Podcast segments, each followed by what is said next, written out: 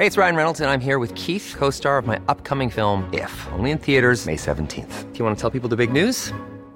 All right, I'll do it. Sign up now and you'll get unlimited for $15 a month in six months of Paramount Plus Essential Plan on us. Mintmobile.com slash switch. Upfront payment of $45 equivalent to $15 per month. Unlimited over 40 gigabytes per month. Face lower speeds. Videos at 480p. Active Mint customers by 531.24 get six months of Paramount Plus Essential Plan. Auto renews after six months. Offer ends May 31st, 2024. Separate Paramount Plus registration required. Terms and conditions apply if rated PG. Many of us have those stubborn pounds that seem impossible to lose, no matter how good we eat or how hard we work out. My solution is PlushCare. PlushCare is a leading telehealth provider with doctors who are there for you day and night to partner with you in your weight loss journey. They can prescribe FDA-approved weight loss medications like Wagovi and Zepbound for those who qualify. Plus, they accept most insurance plans. To get started, visit plushcare.com slash weight loss. That's plushcare.com slash weight loss. Hey there, it's Michelle Norris. I'm host of a podcast called Your Mama's Kitchen. When I travel, I'm usually looking for a way to find a taste of home when I'm not at home. And one of the things I love to do when I am at home is entertain. And Airbnb allows me to do that. When I was in California recently, I rented a house that had a great kitchen. And when we were sitting around the table, we're all thinking, we're in someone else's house. Someone could be in all of our homes as well. If you have a home, but you're not always at home, you have an Airbnb. Your home might be worth more than you think. Find out how much at airbnb.com/slash host.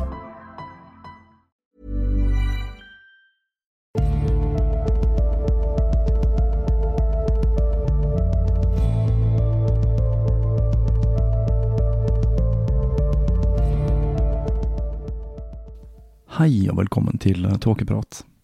Jeg heter Even, og når jeg tar opp denne episode 140, så er det søndag den 30. august 2020.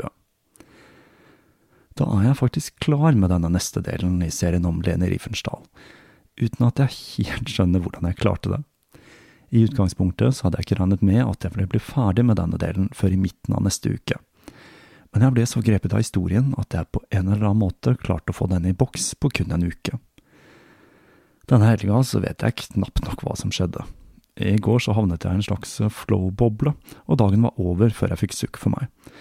Og jeg kjenner litt på den samme følelsen av tidløshet i dag også, og jeg registrerer at timen har flydd mens jeg har sittet og finpusset på denne episoden. I denne delen skal vi se litt nærmere på hva som skjedde med Leni når krigen brøt ut. Det er ganske fascinerende å se krigen gjennom øynene til en tysk sivilist, og forsøke å sette seg inn i hvordan det må ha vært å bo i et land som stadig synker dypere og dypere ned i en avgrunn det ikke er mulig å klatre ut av. Det er i denne perioden, like etter krigen tar slutt, Leni for første gang blir konfrontert med nazistenes grusomheter. Og det etter å ha gjennomlevd en av de mest turbulente periodene i hennes liv, både personlig og samfunnsmessig. Det er kanskje ikke så rart at hun fikk en rekke nervøse sammenbrudd i denne perioden. I tillegg så ble hun lagt inn på sykehuset med sterke smerter flere ganger i denne episoden. Leni beskriver sykdommen som kolikk og blærekolikk, og som jeg har skjønt det, så dreier dette seg om nyrekolikk, en svært smertefull og akutt tilstand som forårsakes av nyrestein. Og da tror jeg vi bare kaster oss rett inn i episoden, og reiser tilbake til en periode like før verden ble kullkastet av andre verdenskrig.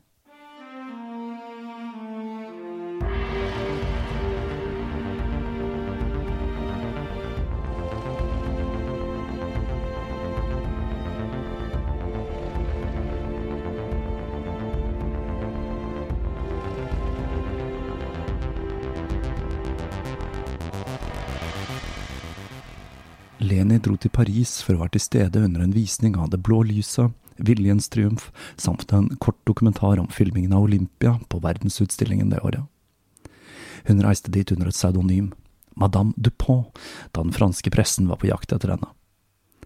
Leni klarte nesten å snike seg unna, men den kjente journalisten Roger Ferral fra Paris Soir oppdaget henne, og fulgte etter henne til hotellet. Det førte til overskriften Madame Dupont Pompadour av Det tredje riket er i Paris. En ny rykteflom var i ferd med å bre om seg.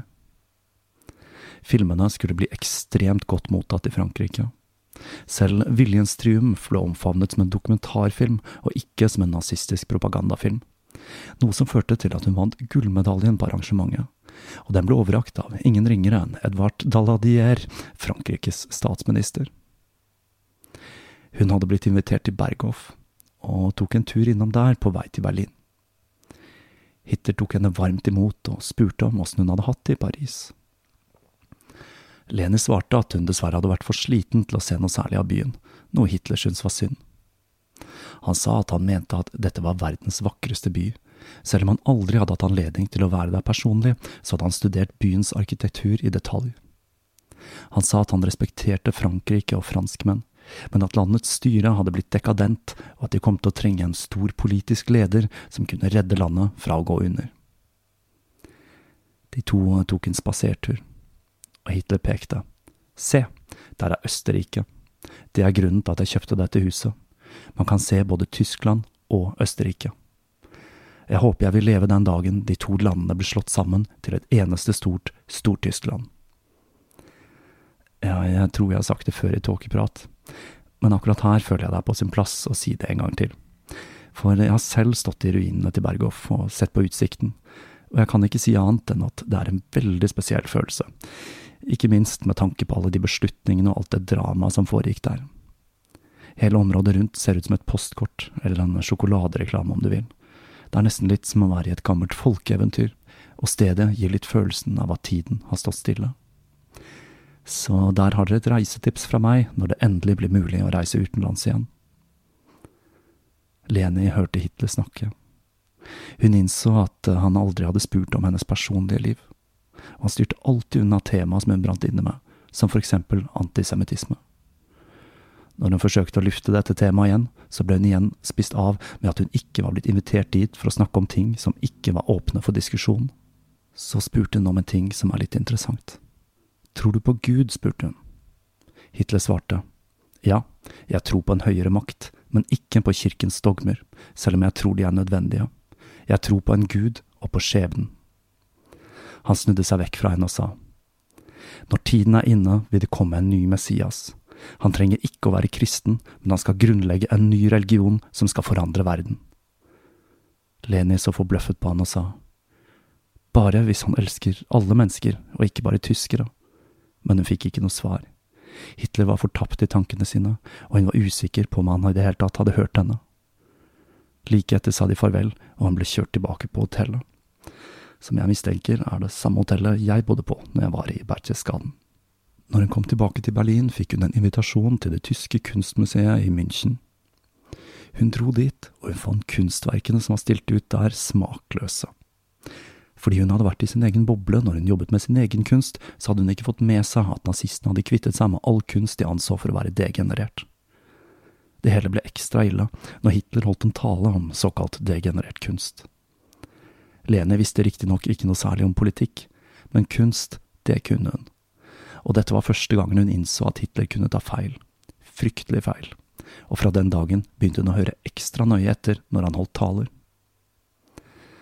Det var nå beundringen sakte begynte å gå over i avsky. Selv om hun skulle holde kontakt med han fram til de siste månedene før Tyskland falt. Det er et par episoder til i førkrigstiden jeg føler er viktig å ta med før vi setter i gang med selve krigen. Like før hun skulle ut på premiereturneen med Olympia, så fikk hun en telefon fra Rikskansleriet som lurte på om Hitler kunne komme på besøk samme dag. Når han kom, så var han i et strålende humør. Han sa at han som henne var hardt arbeidende, og at det var sjelden tid til privatliv, men noen ganger så kunne han være privat i et par timer. Han sa at han trodde hun jobbet for mye, og at hun burde ta bedre vare på seg selv.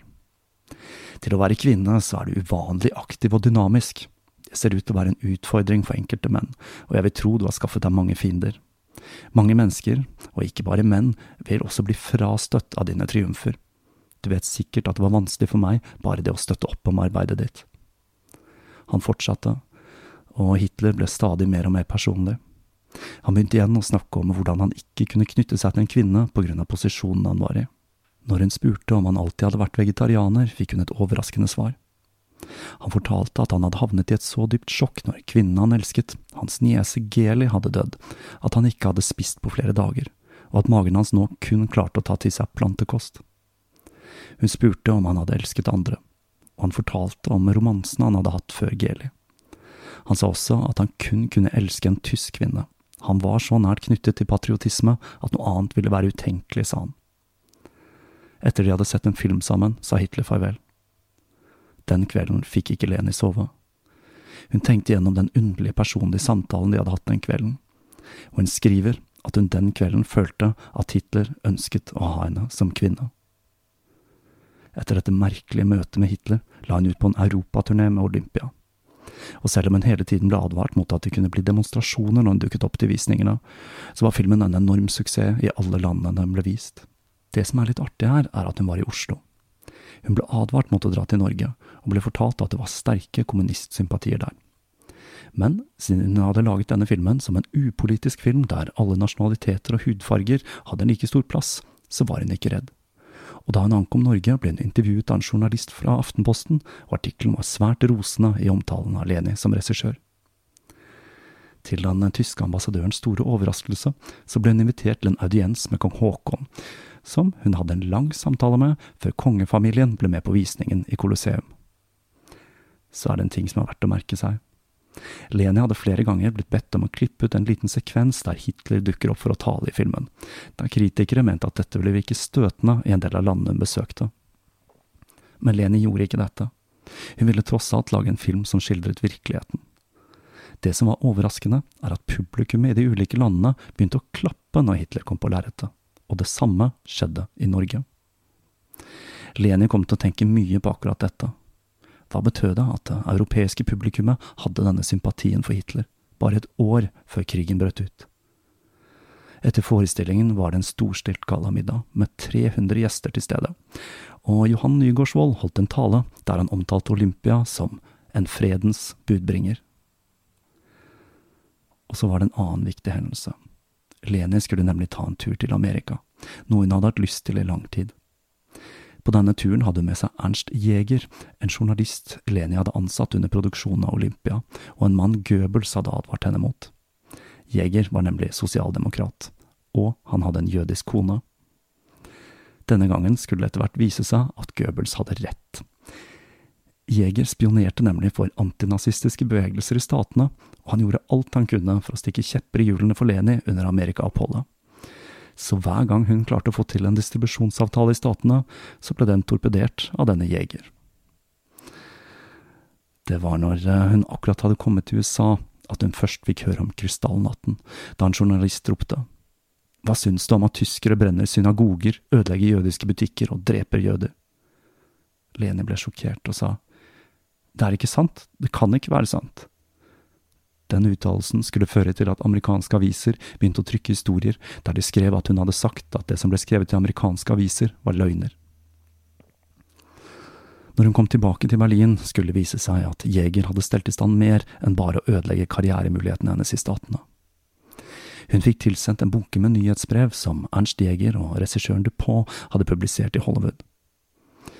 Disse inneholdt en rekke historier om Leni, som at hun var Hitlers elskerinne, i tillegg til Goebbels og Göring sin. De inneholdt til og med beskrivelser av undertøyet hun skulle ha brukt til disse eskapadene. Det som gjorde det hele ekstra ille, var at siden han hadde jobbet så tett innpå Leni, så hadde han fått med seg en del av hennes mindre flatterende uttalelser om Goebbels, i tillegg til historiene om hans mange affærer, noe han hadde flettet inn i historien i nyhetsbrevet, og det gjorde at disse var svært farlig politisk. Leni var livredd for at Goebbels hadde fått tak i disse nyhetsbrevene via tysk etterretning. Men når hun møtte han igjen under en bakett i München, innså hun at han ikke hadde lest dem. Og for å gardere seg så sa hun til ham. Noe forferdelig har skjedd. Herr Jeger har publisert noen forferdelige skandalehistorier om meg i Hollywood. Har du lest dem? Goebbels snøftet og sa at han hadde advart henne mot denne mannen. Hun nikket og innså at det ville være lite sannsynlig at han noen gang ville ta seg tid til å lese dem. For å flykte fra det hele, så kastet hun seg inn i en ny film, Penticillea, hvor hun skulle spille amazonenes dronning. I denne rollen trengte hun å lære seg å ri, som begynte med ridetrening, og som med all annen sport, så var dette noe hun lærte seg raskt, og det tok ikke lang tid før hun kunne ri uten sal. Rollen krevde også at hun skulle være muskuløs, så hun gikk gjennom et knallhardt daglig treningsopplegg, i tillegg til å jobbe med forberedelsene til filmen. Mens hun holdt på med dette, så besøkte hun Albert Speer, som veldig gjerne ville snakke med henne. Da hun ankom studioet hans på Pariserplatz, viste han hvorfor. Han hadde bygget en modell av et rekonstruert Berlin. Leni kunne ikke forestille seg noe så voldsomt som å bygge om en hel by, men Speer forsikret henne om at de snart skulle begynne med arbeidet. Han forklarte at dette var et så storslagent prosjekt at han gjerne ville dokumentere det hele, og det var derfor han hadde tenkt på Leni. Hun sa at hun ikke kunne på grunn av Pantesilea, men at Fank ikke hadde noe på gang om dagen, og han kanskje kunne overtales til å ta på seg oppdraget. Mens de diskuterte dette, så dukket Hitler uventet opp. Leni skulle til å gå, men Hitler sa, Vær så snill å bli, Fraulein Riefenstahl, her er det muligheten til å se noe unikt. Da Speer sa at han trodde han kunne bli ferdig på 15 år, og ikke 20 som først estimert, knyttet Hitler nevene og ropte. Gud gjør slik at jeg lever og kan oppleve det, og at jeg ikke blir presset inn i en krig. Denne samtalen fant sted i midten av august 1939 kun to uker før krigen brøt ut. Leni bestemte seg for å slappe av med litt fjellklatring før innspillingen, og den 30. august så dro hun til Bolzano. Hun varmet opp med å bestige Himmelspizza, noe hun syntes var enkelt som en spasertur, da hun var blitt i så god form etter all treningen. Med fornyet energi dro hun tilbake til hytta der hun bodde. Der skulle hun få forferdelige nyheter. Mobiliseringen er i gang. Vi er i krig. Lenis verden kollapset rundt henne.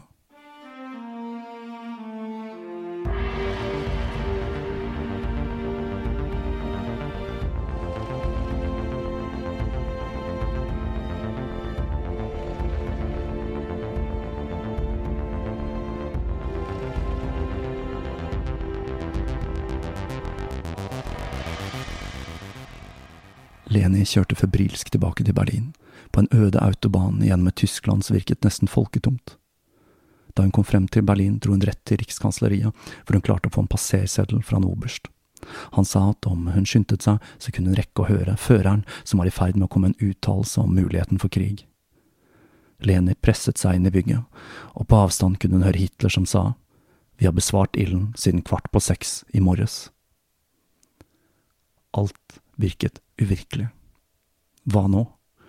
Lenis første tanke var at hun kunne tjenestegjøre som sykepleier, men de som jobbet i filmteamet hennes, overbeviste henne om at hun burde samle sammen en gruppe som kunne lage reportasjer fra fronten, og det gjorde hun.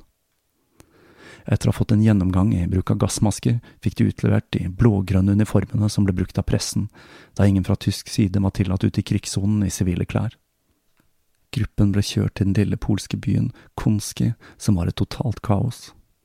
De sov i telt og i bilene sine mens de ventet på instruksjoner om hvor de kunne filme. Neste morgen våknet Leni av at teltet hun sov i, ble beskutt. Hun hadde ikke innsett hvor farlig det de gjorde, faktisk var. Soldatene fortalte henne at de hadde blitt angrepet av polske partisaner, og at en høyerestående offiser og to soldater hadde blitt drept og fått øyne og tunge skåret ut dagen før filmteamet kom til byen. Gruppen gikk til markedsplassen i byen, hvor de som hadde blitt drept dagen før, ble begravet. De gikk over til plassen der en gruppe tyske soldater sto rundt noen vettskremte polakker som gravde graven. De forsto ikke tysk, og var livredde for at de grov sin egen grav. Men en tysk offiser kom til plassen, og ba soldatene ikke gjengjelde med et øye for øye og tann for tann, til tross for den grusomme døden kameratene hadde blitt utsatt for, og han beordret dem til å hente likene som skulle begraves men når han gikk, så begynte en gjeng med rasende sinte soldater å sparke mennene når de forsøkte å klatre ut av graven. Leni ble rasende. Hva er det dere gjør, hørte dere ikke hva offiseren sa til dere? Gruppen snudde seg mot henne.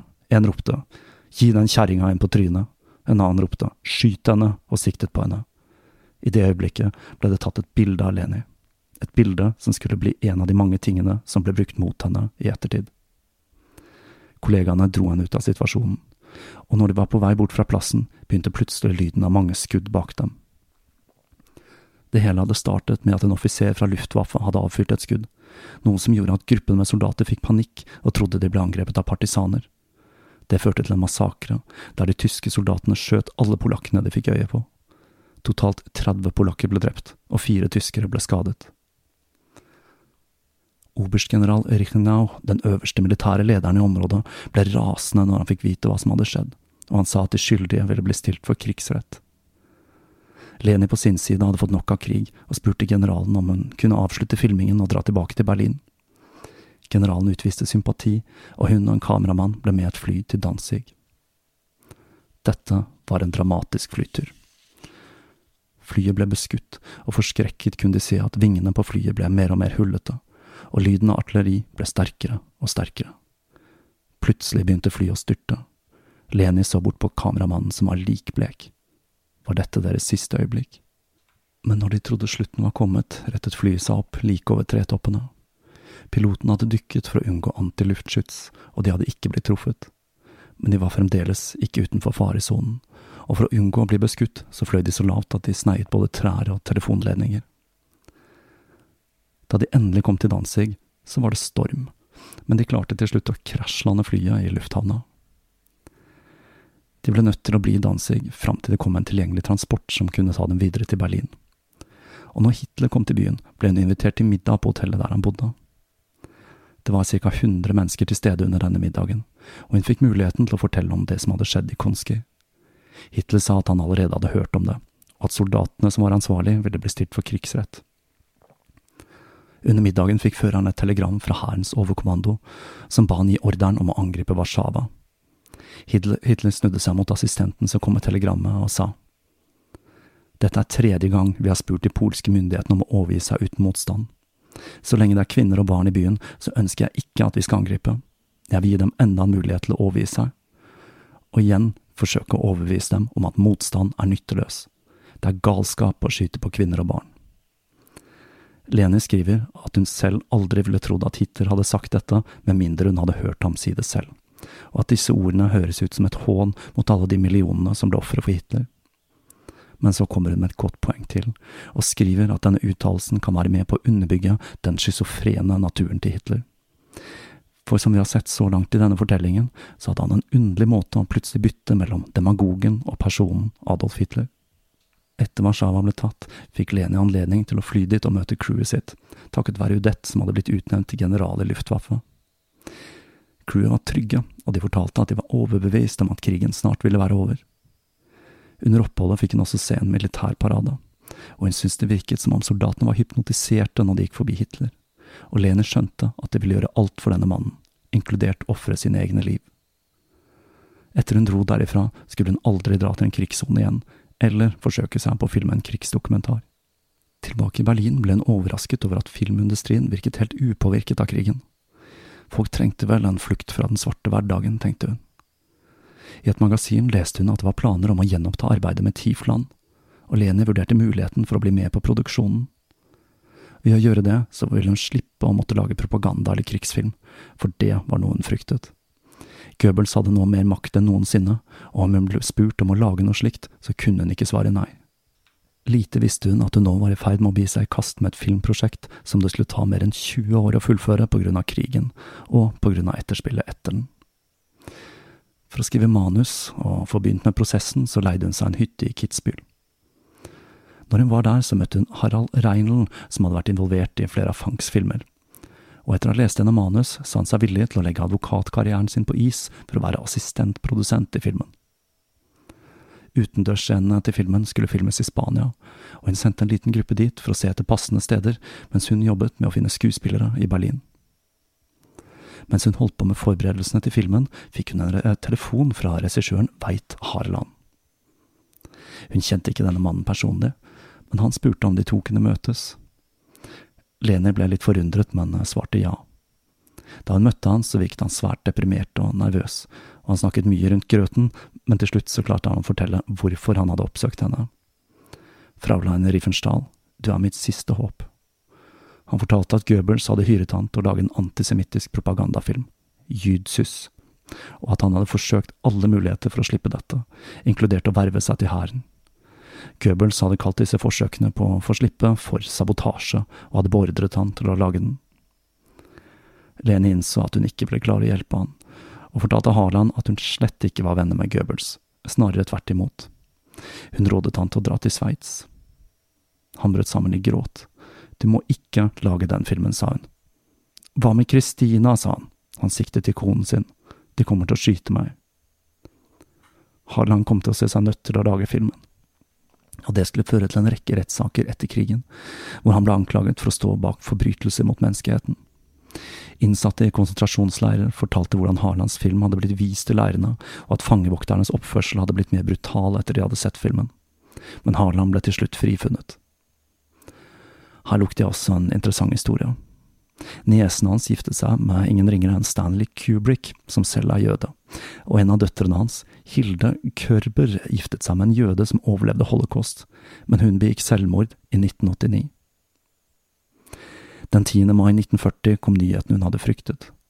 Krigen på vestfronten var i gang, og verden fikk for første gang se fenomenet jeg tar for meg i Pervitin-serien. Tyske tropper stormet gjennom et Europa med en fart verden aldri hadde sett maken til og fenomenet blitskrig så dagens lys. Men de som hadde håpet at dette markerte slutten på krigen, skulle ta skrekkelig feil.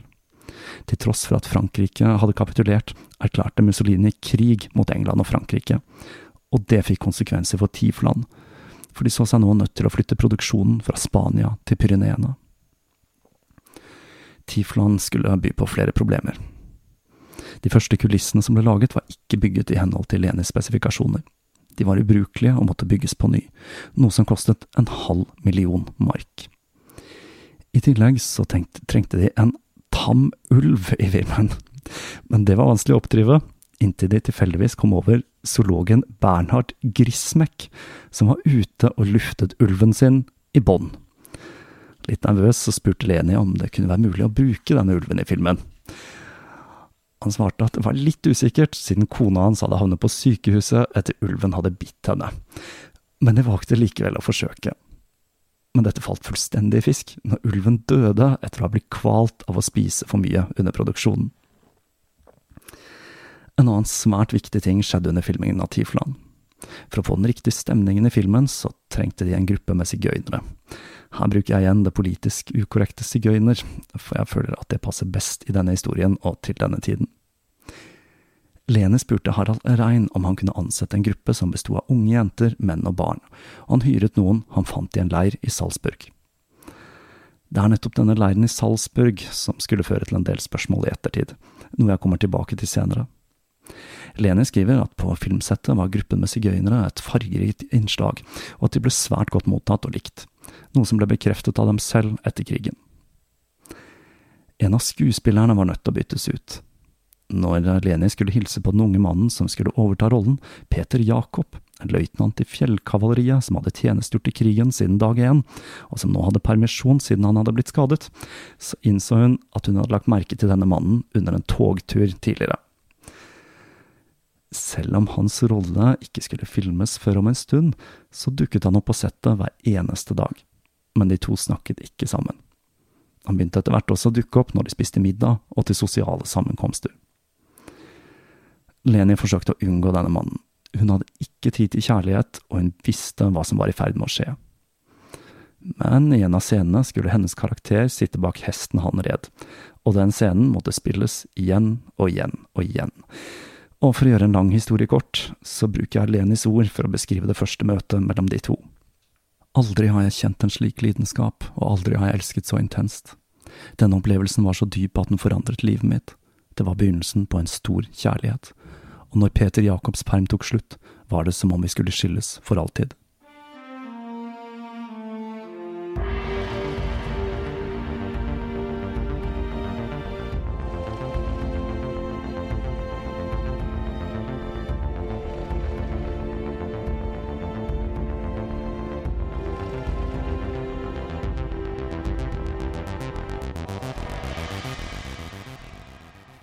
Vinteren kom, og de så seg nødt til å utsette filmingen utendørs til neste sommer. Fram til det igjen var mulig å filme utendørs, så brukte de tiden på å filme i studio.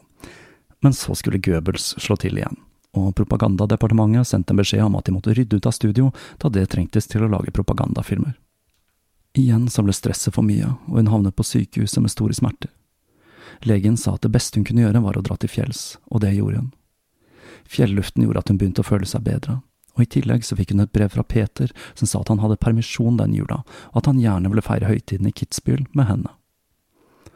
Men dagene de tilbrakte sammen der i fjellet, skulle bli alt annet enn rolige. De var begge ekstreme følelsesmennesker, og det hele var en berg-og-dal-bane av krangling og lykkelige stunder. Leni følte seg både tiltrukket og frastøtt av denne mannen når han dro tilbake til hæren og hun dro tilbake til Berlin. I Berlin hadde kollegaene klart å få tak i et nytt studio, men igjen begynte de kraftige smertene. Hun forsøkte å regissere en stund, men smertene ble så ekstreme at hun havnet på sykehus igjen. Mens hun ventet på en ledig time til en ny undersøkelse, fikk hun en uventet gjest. Hitler dukket opp med en blomsterbukett og sa hva slags ugagn er det du driver med nå, da? Før han tilbød seg å låne ut sin private lege, doktor Morell. Og han er jo en karakter vi har stiftet bekjentskap med tidligere i denne podkasten. Denne flotte legen som ga Hitler injeksjoner med diverse hormoner laget av kokte dyreinnvoller og diverse. Leni var i en smertetåke, og hun fikk ikke med seg alt Hitler sa, men hun hørte at han sa at han ville trekke seg fra politikken når krigen var over. Så sa han at når hun var frisk igjen, så ville han at hun skulle ta kontakt med keiser Wilhelm-instituttet i Berlin, for å være med og utvikle en type metallisk film som tålte tidens tann så godt at filmene kunne bevares i tusenvis av år uten å forringes. Hitler snakket som om krigen allerede var over, og optimismen smittet over på Leni. Men når hun ble undersøkt igjen, så var resultatet nedslående, og tilstanden hennes ble verre og verre. Og så ble det foreslått at hun skulle prøve akupunktur, og hun dro til en akupunktør i München og Lene skriver at dette gjorde at smertene forsvant over natten. Igjen så var hun smertefri, og hun dro tilbake til Berlin. Den første natten der fikk hun oppleve sitt første bombeangrep. Huset ristet, og himmelen ble lyst opp av lyskastere og antiluftskyts. Til å begynne med tenkte hun at hun kom til å venne seg til dette, men det gjorde hun ikke. Angrepene ble stadig voldsommere, og flere og flere mennesker mistet livet når de tiltok i styrke. Samtidig ble krigen tøffere ved fronten.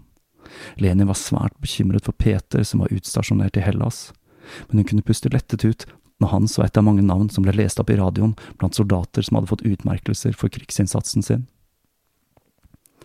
Like etter fikk hun et brev fra han der han fridde. Leni var egentlig ikke noen tilhenger av ekteskap, men på grunn av den ekstreme situasjonen så svarte hun ja. Men dette var ikke noe de skulle ha tid til da. Han måtte tilbake til fronten, og hun bega seg igjen i kast med Tifland.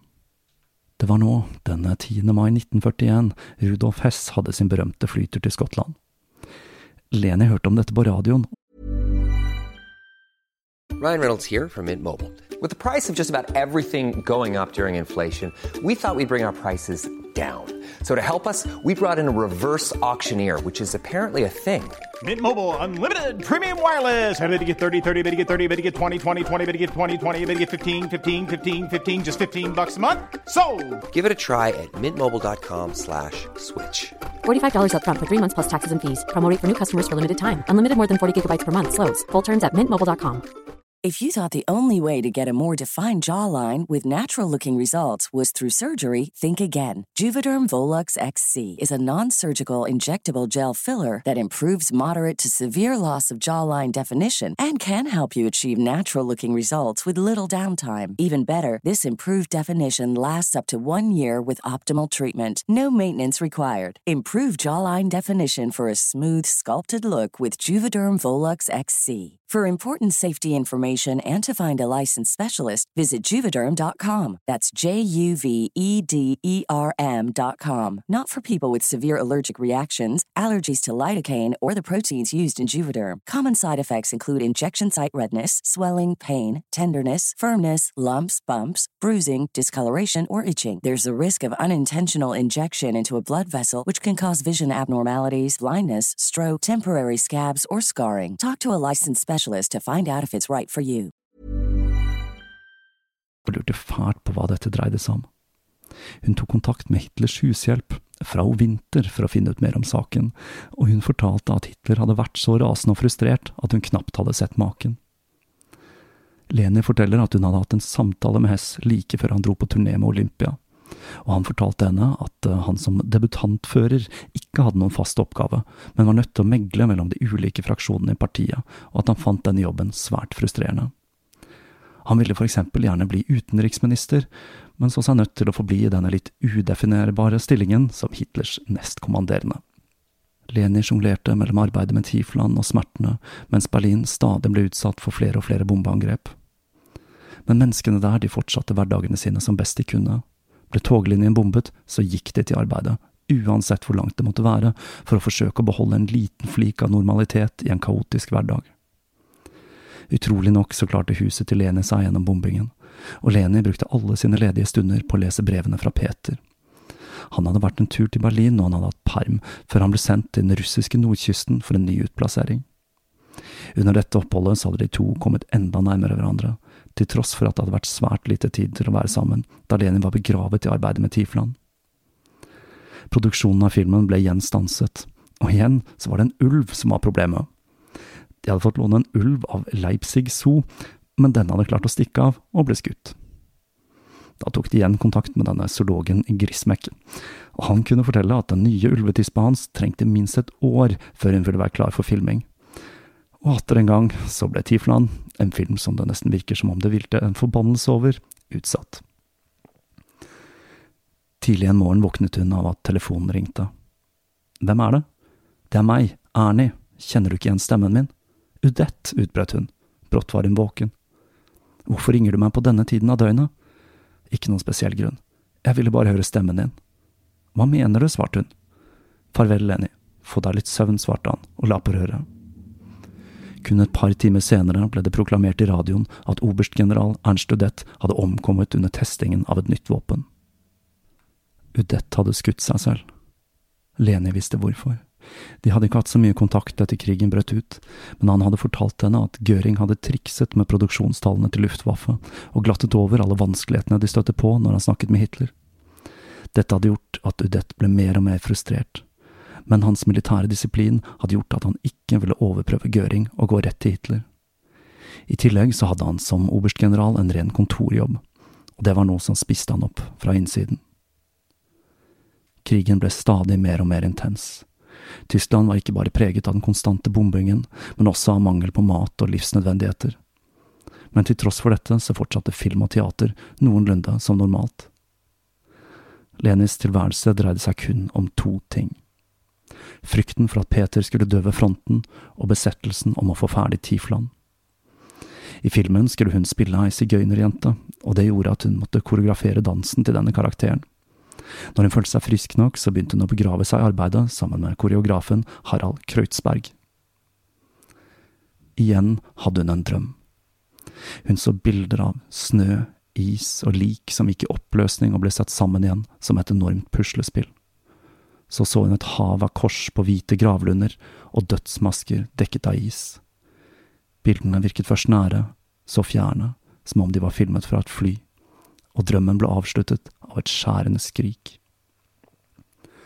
Når hun våknet, hørte hun på radioen at framrykningen i Russland hadde stoppet på grunn av sibirkulde. Lene fikk gåsehud. Hun innså at det var en forbindelse mellom drømmen og det som hadde skjedd i Russland. Igjen hadde hun hatt hva hun beskrev som en overnaturlig drøm, og denne skulle hun aldri glemme. Da presse og radio erklærte at Hitler hadde sparket en rekke av generalene sine, utnevnt seg selv til øverste leder for hæren og erklært krig mot USA, så forsto hun at dette var en krig de ikke kunne vinne. Peter kom igjen på besøk, og når de tok avskjed den 24. januar 1942, så var det svært tungt for dem begge, og Peter lovte å ringe før han gikk om bord i skipet som skulle frakte ham til fronten. Men ingen telefon kom. Leni ble desperat, og til slutt fikk hun vite at skipene hadde blitt liggende værfast i havna. Hun klarte å få tak i en kamerat av ham, og han fortalte at de to hadde drukket en del, og at Peter var på Eden hotell i Berlin sammen med en vakker kvinne. Røret skled ut av hendene hennes, og hun sank sammen i gråt og fortvilelse. Ikke lenge etter ringte telefonen. Hun ville ikke snakke med noen, men den ringte og den ringte, og til slutt så svarte hun. Det var Peter. Linjen var dårlig, men han sa han var i Sassnitz, og at han gjerne ville treffe henne før han reiste. Jeg skal prøve, sa hun. Hun kjørte dit, og de to tok inn på et lite hotellrom. Lenin var villig til å tilgi ham, men hun ville gjerne forstå hva som hadde skjedd. Peter sa at han hadde vært i Berlin, men han nektet for at han hadde vært sammen med en annen kvinne. Leni visste at han løy, og når han boret båten, så var det som om noe gikk i stykker på innsiden av henne. På hjemveien ble hun rammet av smerter, og denne gangen mer intense enn noensinne. I Berlin ble hun lagt inn på sykehus, og hun var delirisk og klarte ikke å ta til seg næring.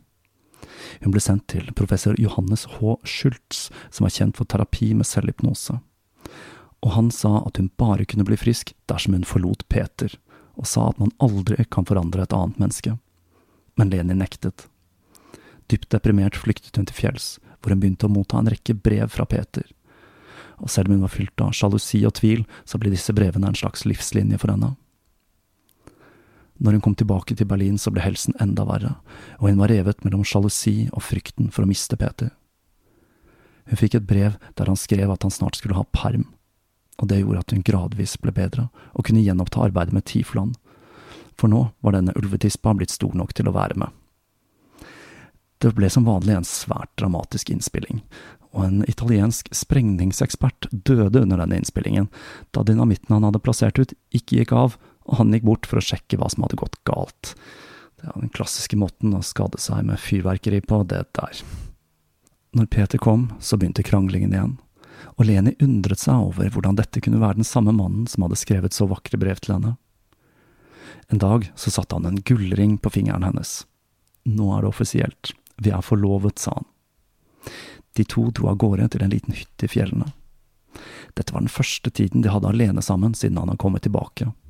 Men når de kom dit, så tilbrakte han ikke tiden med henne, men han tok til å drikke sammen med han som leide ut hytta og Leni ble igjen fylt av tvil. Når hun kom tilbake til Berlin, var krigen total. Kampen om Stalingrad var i full gang, og Tyskland ble mer og mer utbombet. Og som ikke det var nok, så hadde broren blitt sendt til østfronten, da en venn hadde tystet på han og fortalt at han hadde handlet på svartebørsen, og at han hadde sagt nedsettende ting om Hitler. Alt dette gjorde selvsagt situasjonen hennes enda verre, men nå var det ikke lenger like enkelt å flykte til fjells. Man trengte nemlig en legeerklæring samt en godkjenning fra propagandadepartementet. Og med Lenis forhold til Goebbels så ble hun nødt til å bli værende i Berlin til tross for at hun fikk to legeerklæringer. Men utrolig nok så fortsatte hun arbeidet med Tifland, og i 1943 dro hun og teamet til Spania for å gjøre ferdig scenene der. Mens hun var der, så dukket Peter opp igjen. Han hadde fått perm, da soldater som tok på seg spesielt farlige oppdrag, kunne søke om utenlandsperm. Han hadde gjort dette for å forsøke å overbevise Leni om at han virkelig elsket henne.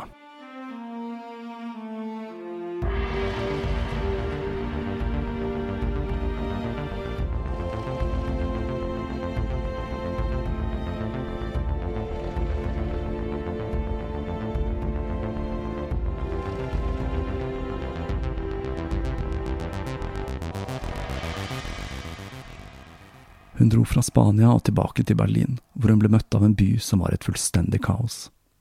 Med hjelp fra Albert Speer så fikk hun sikret filmene sine i to bunkere i byen. Leni beundret Speer. Etter byen ble bombet, var han en av de første som var ute i gatene og organiserte brannslukningen. Han var også litt skeptisk til Hitlers respons til bombingen. Men da Leni spurte om han fremdeles trodde at de kunne vinne krigen, svarte han bare vi må vinne, uten å vise noen følelser. Høsten 1943 flyttet Tiefland Tifland Cruisei til Kitzbühel, hvor de begynte med klippejobben. Og de lagret filmarkivet i en gammel ruin i nærheten, hvor de gikk ut fra at det ville være trygt for bombene. Den 21. mars 1944 hadde Peter igjen permisjon. Denne dagen skulle han, som hadde blitt forfremmet til major, og Leni Riefensdahl gifte seg. Foreldrene til Leni var til stede i dette bryllupet, som de var svært så skeptiske til. Når hun og faren fikk et øyeblikk for seg selv, sa han til henne med tårer i øynene, Mitt barn, jeg håper du vil bli lykkelig. Noen dager etter Peter hadde dratt tilbake til fronten, fikk Leni en kurv med blomster og et kort fra Hitler, der han gratulerte med bryllupet, samt en invitasjon til henne og Peter til Berghof. Dette var den siste gangen hun skulle møte Hitler. Han hadde endret seg mye siden sist hun hadde truffet han. Han var nå sammensunket, og hun la merke til at han skalv. Leni hadde så mange spørsmål, men hun lot dem ligge, og Hitler gikk igjen inn i en av disse lange monologene sine. Han snakket om hvordan Tyskland skulle gjenoppbygges til krigen, og hvordan Italias deltakelse hadde vært en katastrofe, og hvordan hele situasjonen i øst kunne vært unngått om de hadde forutsett den russiske vinteren. Han ble mer og mer oppglødet og begynte på en tirade om England og hvordan ingen engelskmann noensinne ville sette sine føtter på tysk jord. Leni syntes han hørtes ut som en forsmådd elsker, for hun visste hvor mye han hadde beundret dette landet tidligere. Plutselig var det som om transen ble brutt, og han signaliserte at møtet var over. Når de gikk, sto han og så etter dem, og hun hadde en følelse av at hun aldri skulle se ham igjen. Like etter, I juli 1944 skulle hun bli rammet av to personlige tragedier. Først døde faren hennes, kun 65 år gammel, og mens hun var i begravelsen hans, så døde broren ved fronten. Han var bare 38 år da han ble revet i stykker av en granat. De hadde kun sluttscenen av Tiflan igjen, og denne skulle filmes i et studio i Tsjekkia. Leni skriver at forholdet mellom det tyske filmteamet og de tsjekkiske scenearbeiderne var svært godt, og at ingen snakket om krigen eller politikk. Mens de holdt på med innspillingen, fikk Leni forferdelige nyheter. Hun hadde nemlig fått omsorgsretten for de to barna til broren når han døde, etter et ønske i hans testament, og de hadde blitt innkvartert i et hus hun hadde kjøpt i Kitzbühel. Nå hadde barna, som var tre og fire år gamle, blitt kidnappet på ordre fra brorens ekskone. Leni skulle aldri lyktes med å få beholde omsorgsretten for barna. Etter krigen skulle ekskona gå til sak mot Leni og brorens testament, og hun vant med begrunnelsen om at navnet Riefenstahl ville sverte barna og ødelegge for fremtidsmulighetene deres. På grunn av Lenis mentale og fysiske tilstand måtte innspillingen av Tiflan utsettes igjen. Hun hadde ikke hørt fra Peter på lenge, og hun begynte å få høre seg om hvor han kunne befinne seg. Til slutt så fikk hun et tips om at han sist var sett i Italia, og Leni bestemte seg for å dra og lete. I november 1944 kom hun til Merano, og hun fikk etter hvert plass på en forsyningskonvoi så hun kunne se etter ham i de ulike militærforlegningene. Denne turen tok en uke og var svært farlig. De ble beskutt og måtte flere ganger kaste seg ned i grøfter for å unngå kuleregnet, men det var ingen Peter å finne. Da hun kom tilbake til Merano, oppdaget hun at han hadde blitt lagt inn på et sykehus der, og han ble svært overrasket da Leni troppet opp. Han hadde ikke blitt skadet under en trefning, men han hadde fått et kraftig anfall av revmatisme, noe som hadde gjort at han var ute av stand til å delta i krigføringen. Leni forteller at selv om hun anså seg selv for å være religiøs, så var det sjeldent hun ba. Men denne gangen ba hun, og takket Gud for at mannen hennes fremdeles var i live. Til tross for at hele landet var i ferd med å gå i oppløsning, så fortsatte de arbeidet med Tiflan i Kitzbühel. Der ble de kjent med Wilma Schaub, som i egenskap av å være kona til en av Hitlers adjutanter hadde en direkte linje til Berlin, og det var gjennom henne de fikk nyheter om hva som skjedde i hovedstaten. Hun hjalp dem også med å få tak i mat, for filmteamet hadde ingen kontakter på svartebørsen, og de var helt utsultet. Wilma diskuterte flere ting med dem, som om hva som kom til å skje med tyskere om de tapte krigen. Det var også nå Leni for første gang hørte om Eva Braun, og hun fortalte også hva som egentlig hadde skjedd med Geli. Hun sa at den dagen hadde hun og Geli vært i teatret. Vilma hadde lagt merke til at Geli så helt utslitt ut, så hun fulgte henne hjem. På den tiden bodde Geli i et lite rom i leiligheten til Hitler. Geli ba Vilma bli en stund, og så så hun at den ene frakken til Hitler hang i gangen, og Geli gikk gjennom lommene hvor hun fant et brev. Hun ble likblek og rakte brevet til Vilma. Det var et kjærlighetsbrev fra Eva Braun. Timer senere skjøt hun seg selv, 23 år gammel. Når Leni spurte om hun fremdeles trodde at Tyskland kunne vinne, begynte hun å gråte og riste på hodet. Hun sa at hun aldri ville se mannen sin igjen, for han kom ikke til å forlate føreren, sa hun, og ville dø ved hans side i Berlin. Om mannen min dør, så vil jeg dø med mine barn, skrek hun desperat, og Leni forsøkte å roe henne ned. Leni tenkte med seg selv at hun ikke kunne begå selvmord. Moren hadde bare henne nå, og hun hadde også en forpliktelse overfor Peter. 1945 brakte med seg flere fryktelige hendelser. I januar ble Wilhelm Gustloff, et skip med tyske flyktninger, senket av en russisk ubåt, og 5000 mennesker mistet livet. Og like etter døde mer enn 20 000 i Berlin etter et massivt bombeangrep på byen. Leni var livredd for moren som fremdeles var bosatt der, men så en dag så dukket hun opp på døren i Kitzbühel. Leni ble overlykkelig. Moren fortalte at hun hadde oppsøkt Speer da hun ikke hadde hørt fra datteren på en stund, og han hadde sagt at han kunne kjøre henne til Leni. Dette var den siste sjansen til å flykte fra Berlin, sa han.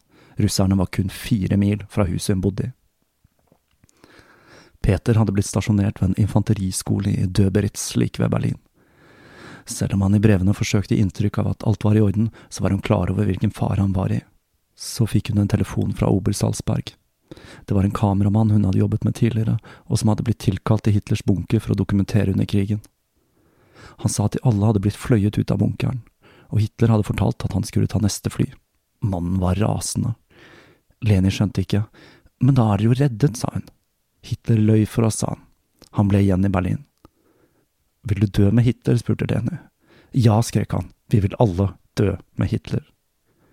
Dere er gale, sa hun, før linjen ble brutt. Det Leni hørte var helt ubegripelig.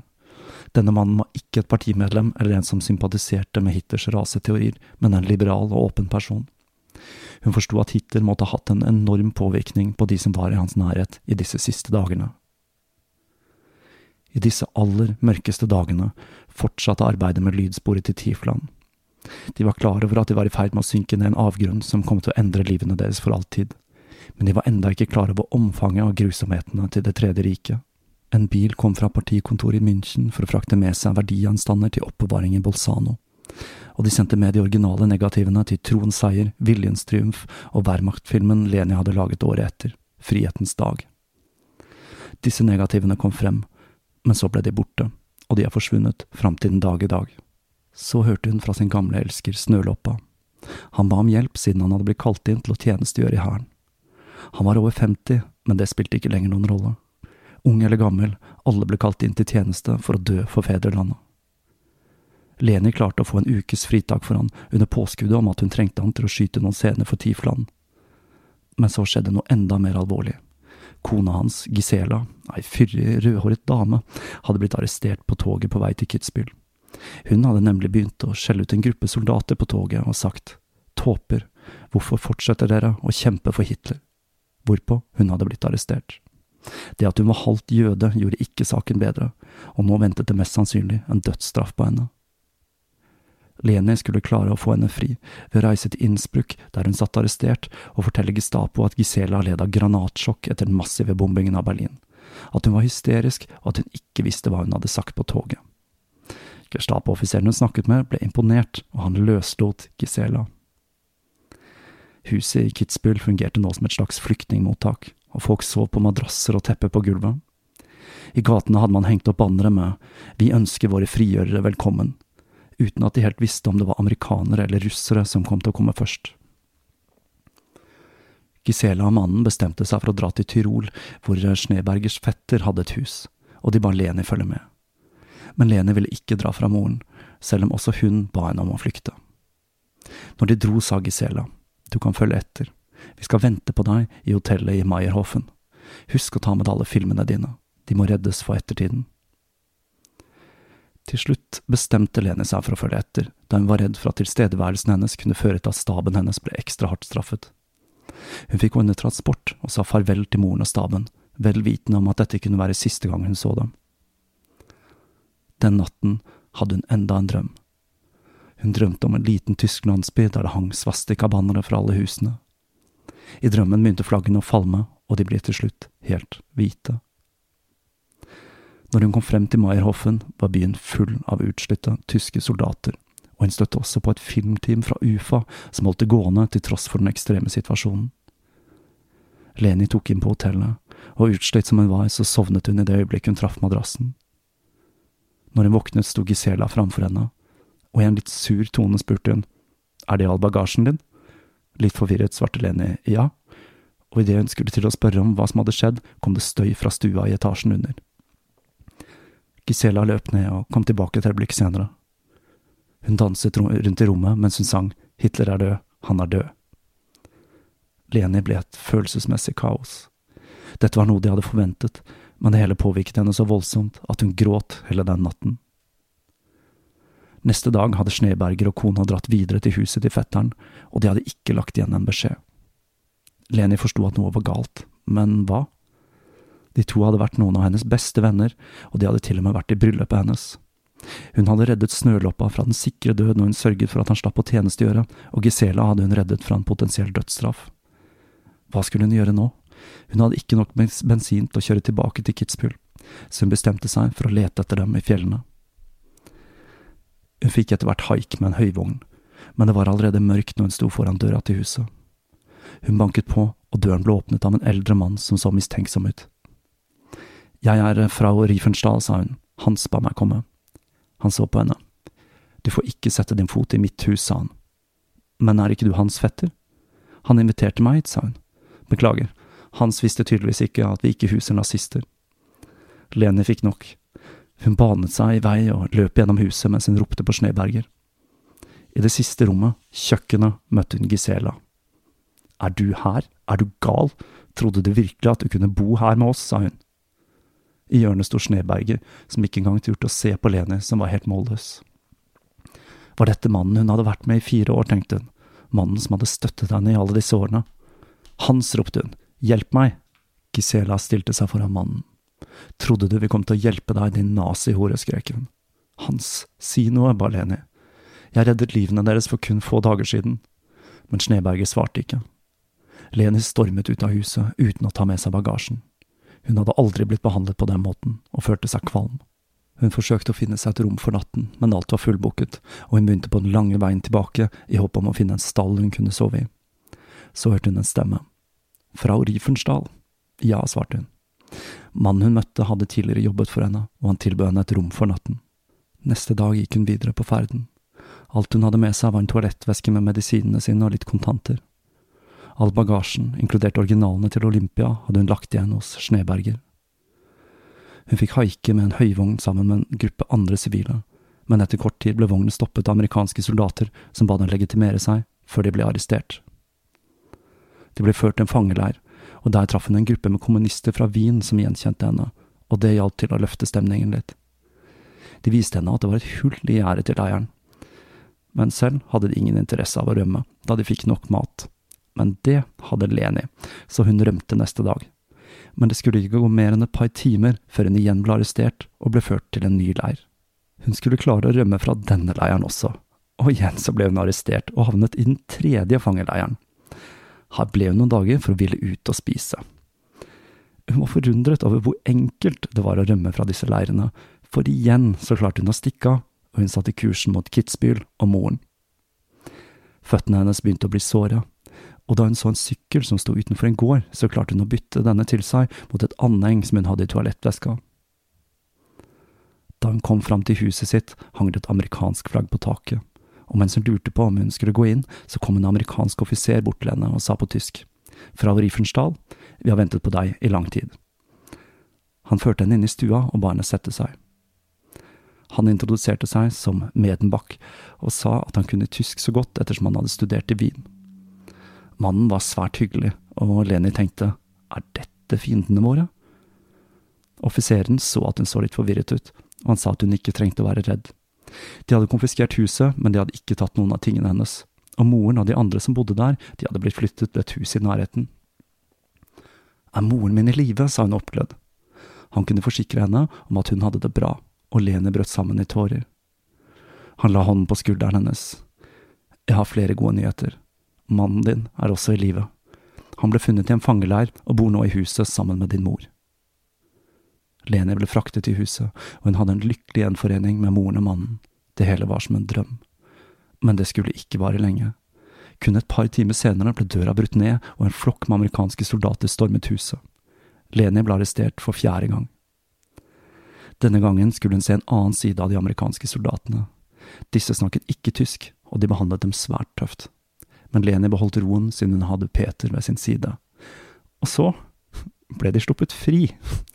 De skjønte ikke helt hva som hadde skjedd når de gikk tilbake til huset, men de fikk bare et par dager til med ro før to soldater troppet opp i huset, og denne gangen så var det bare Leni som ble arrestert. Hun ble kjørt til fengselet i Salzburg og satt i en celle sammen med to andre kvinner. Den ene krabbet rundt på gulvet og skrek ukontrollert, mens den andre lå i fosterstilling og gråt på køya. Leni hamret på døren, hun var desperat, og hun holdt på til hun kollapset på gulvet. Til slutt ga hun opp og forsøkte å få sove, men det var nytteløst. I tillegg til den gale kvinnen som skrek hele natta, var det skrik fra gårdsplassen, der en gruppe SS-soldater ble avhørt og torturert. Den neste morgenen ble hun ført til en polstret celle, hvor hun måtte kle seg naken før hun ble undersøkt av en fangevokter, og hun fikk kledd på seg igjen og ble ført ut på gårdsplassen der hun ble stilt opp på en rekke sammen med andre fanger.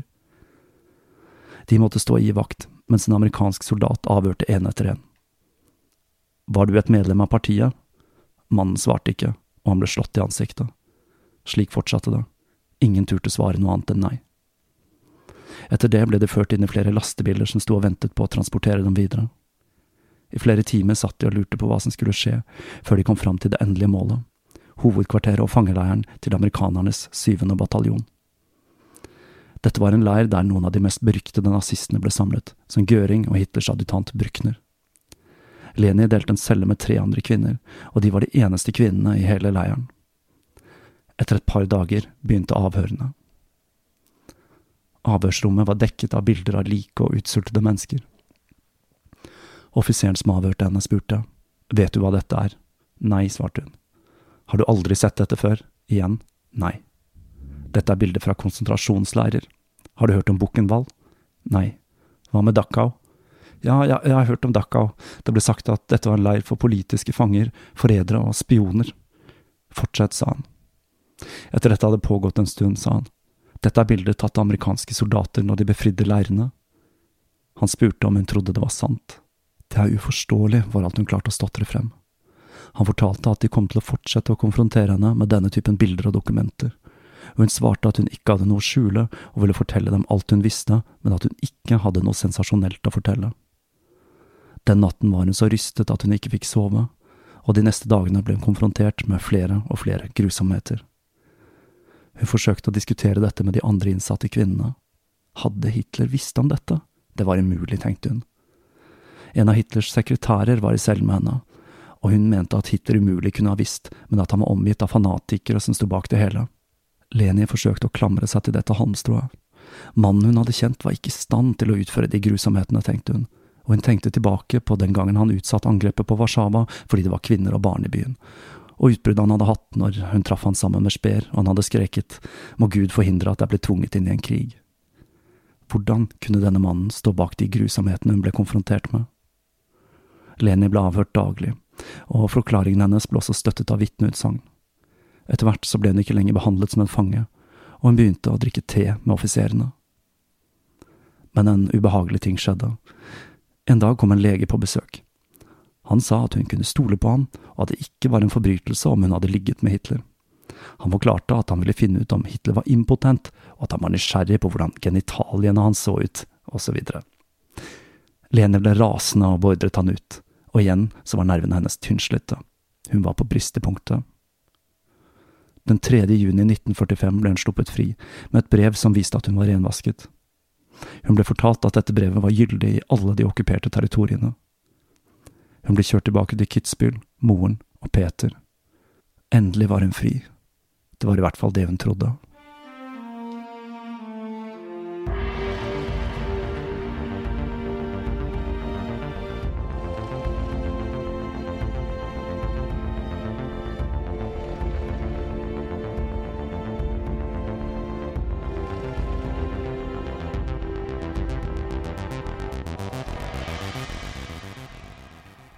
Det var slutten på den tredje delen i serien om livet til Leni Riefenstahl. Livet hennes blir jo ikke akkurat mindre dramatisk ettersom det skrider frem. Og verre skal det bli, tro det eller ei. Siden jeg nevnte Patrion i forrige episode, så er det kommet til en del nye patrions der, og det er jeg ekstremt glad for. Patrion er en tjeneste som gjør at jeg kan holde denne podkasten gående på alle plattformer uten å ty til ting som betalingsmurer og reklameavbrudd. For meg så er Patrion svært nyttig, da jeg får et fast månedlig beløp fra tjenesten, og jeg derfor vet hva jeg har å rutte med fra måned til måned. Du kan bli en Patrion for så lite som én dollar i måneden, og det vil jeg tippe de aller fleste av dere har råd til. Så om du har lyst til å støtte opp om hva jeg vel må kunne skryte på meg er en av Norges mest unike og minst kommersielle podcaster, så tar det ikke mange minutter å lage en konto på Patrion. Og det er med på å gjøre at jeg kan fortsette å levere episoder som tar for seg tematikk på en litt annen måte enn den gjengse podcast. I tillegg vil jeg rette en takk til de av dere som har valgt å donere via nettsiden. Det er også en mulighet for de som ønsker det. Alle bidrag mottas med takk, og går med til ting som å ekspandere min stadig voksende boksamling. Frem til neste del i serien om det bemerkelsesverdige livet til Rene Riefenstahl, så vil jeg takke for følget så langt. Jeg ser at det har dukket opp en del nye anmeldelser av podkasten, og det er også en fin måte å støtte opp om og synliggjøre tåkeprat i den norske podkastjungelen. Og da gjenstår det bare å si på gjenhør.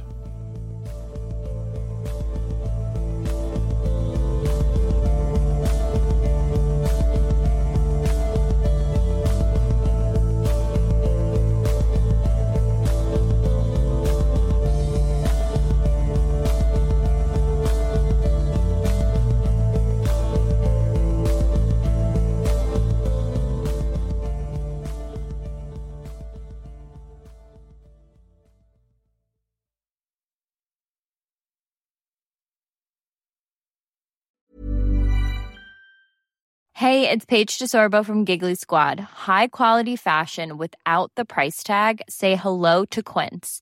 I'm snagging high-end essentials like cozy cashmere sweaters, sleek leather jackets, fine jewelry, and so much more. With Quince being 50 to 80% less than similar brands. And they partner with factories that prioritize safe, ethical, and responsible manufacturing. I love that. Luxury quality within reach. Go to quince.com slash style to get free shipping and 365 day returns on your next order. Quince.com slash style. When you make decisions for your company, you look for the no brainers. And if you have a lot of mailing to do, stamps.com is the ultimate no brainer. It streamlines your processes to make your business more efficient, which makes you less busy. Mail checks, invoices, legal documents, and everything you need to keep your business running with Stamps.com.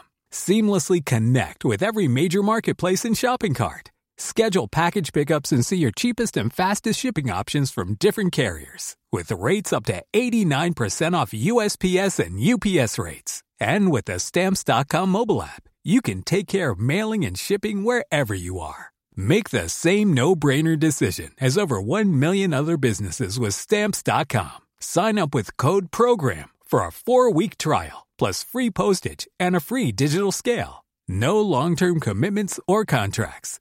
That's stamps.com. Code program.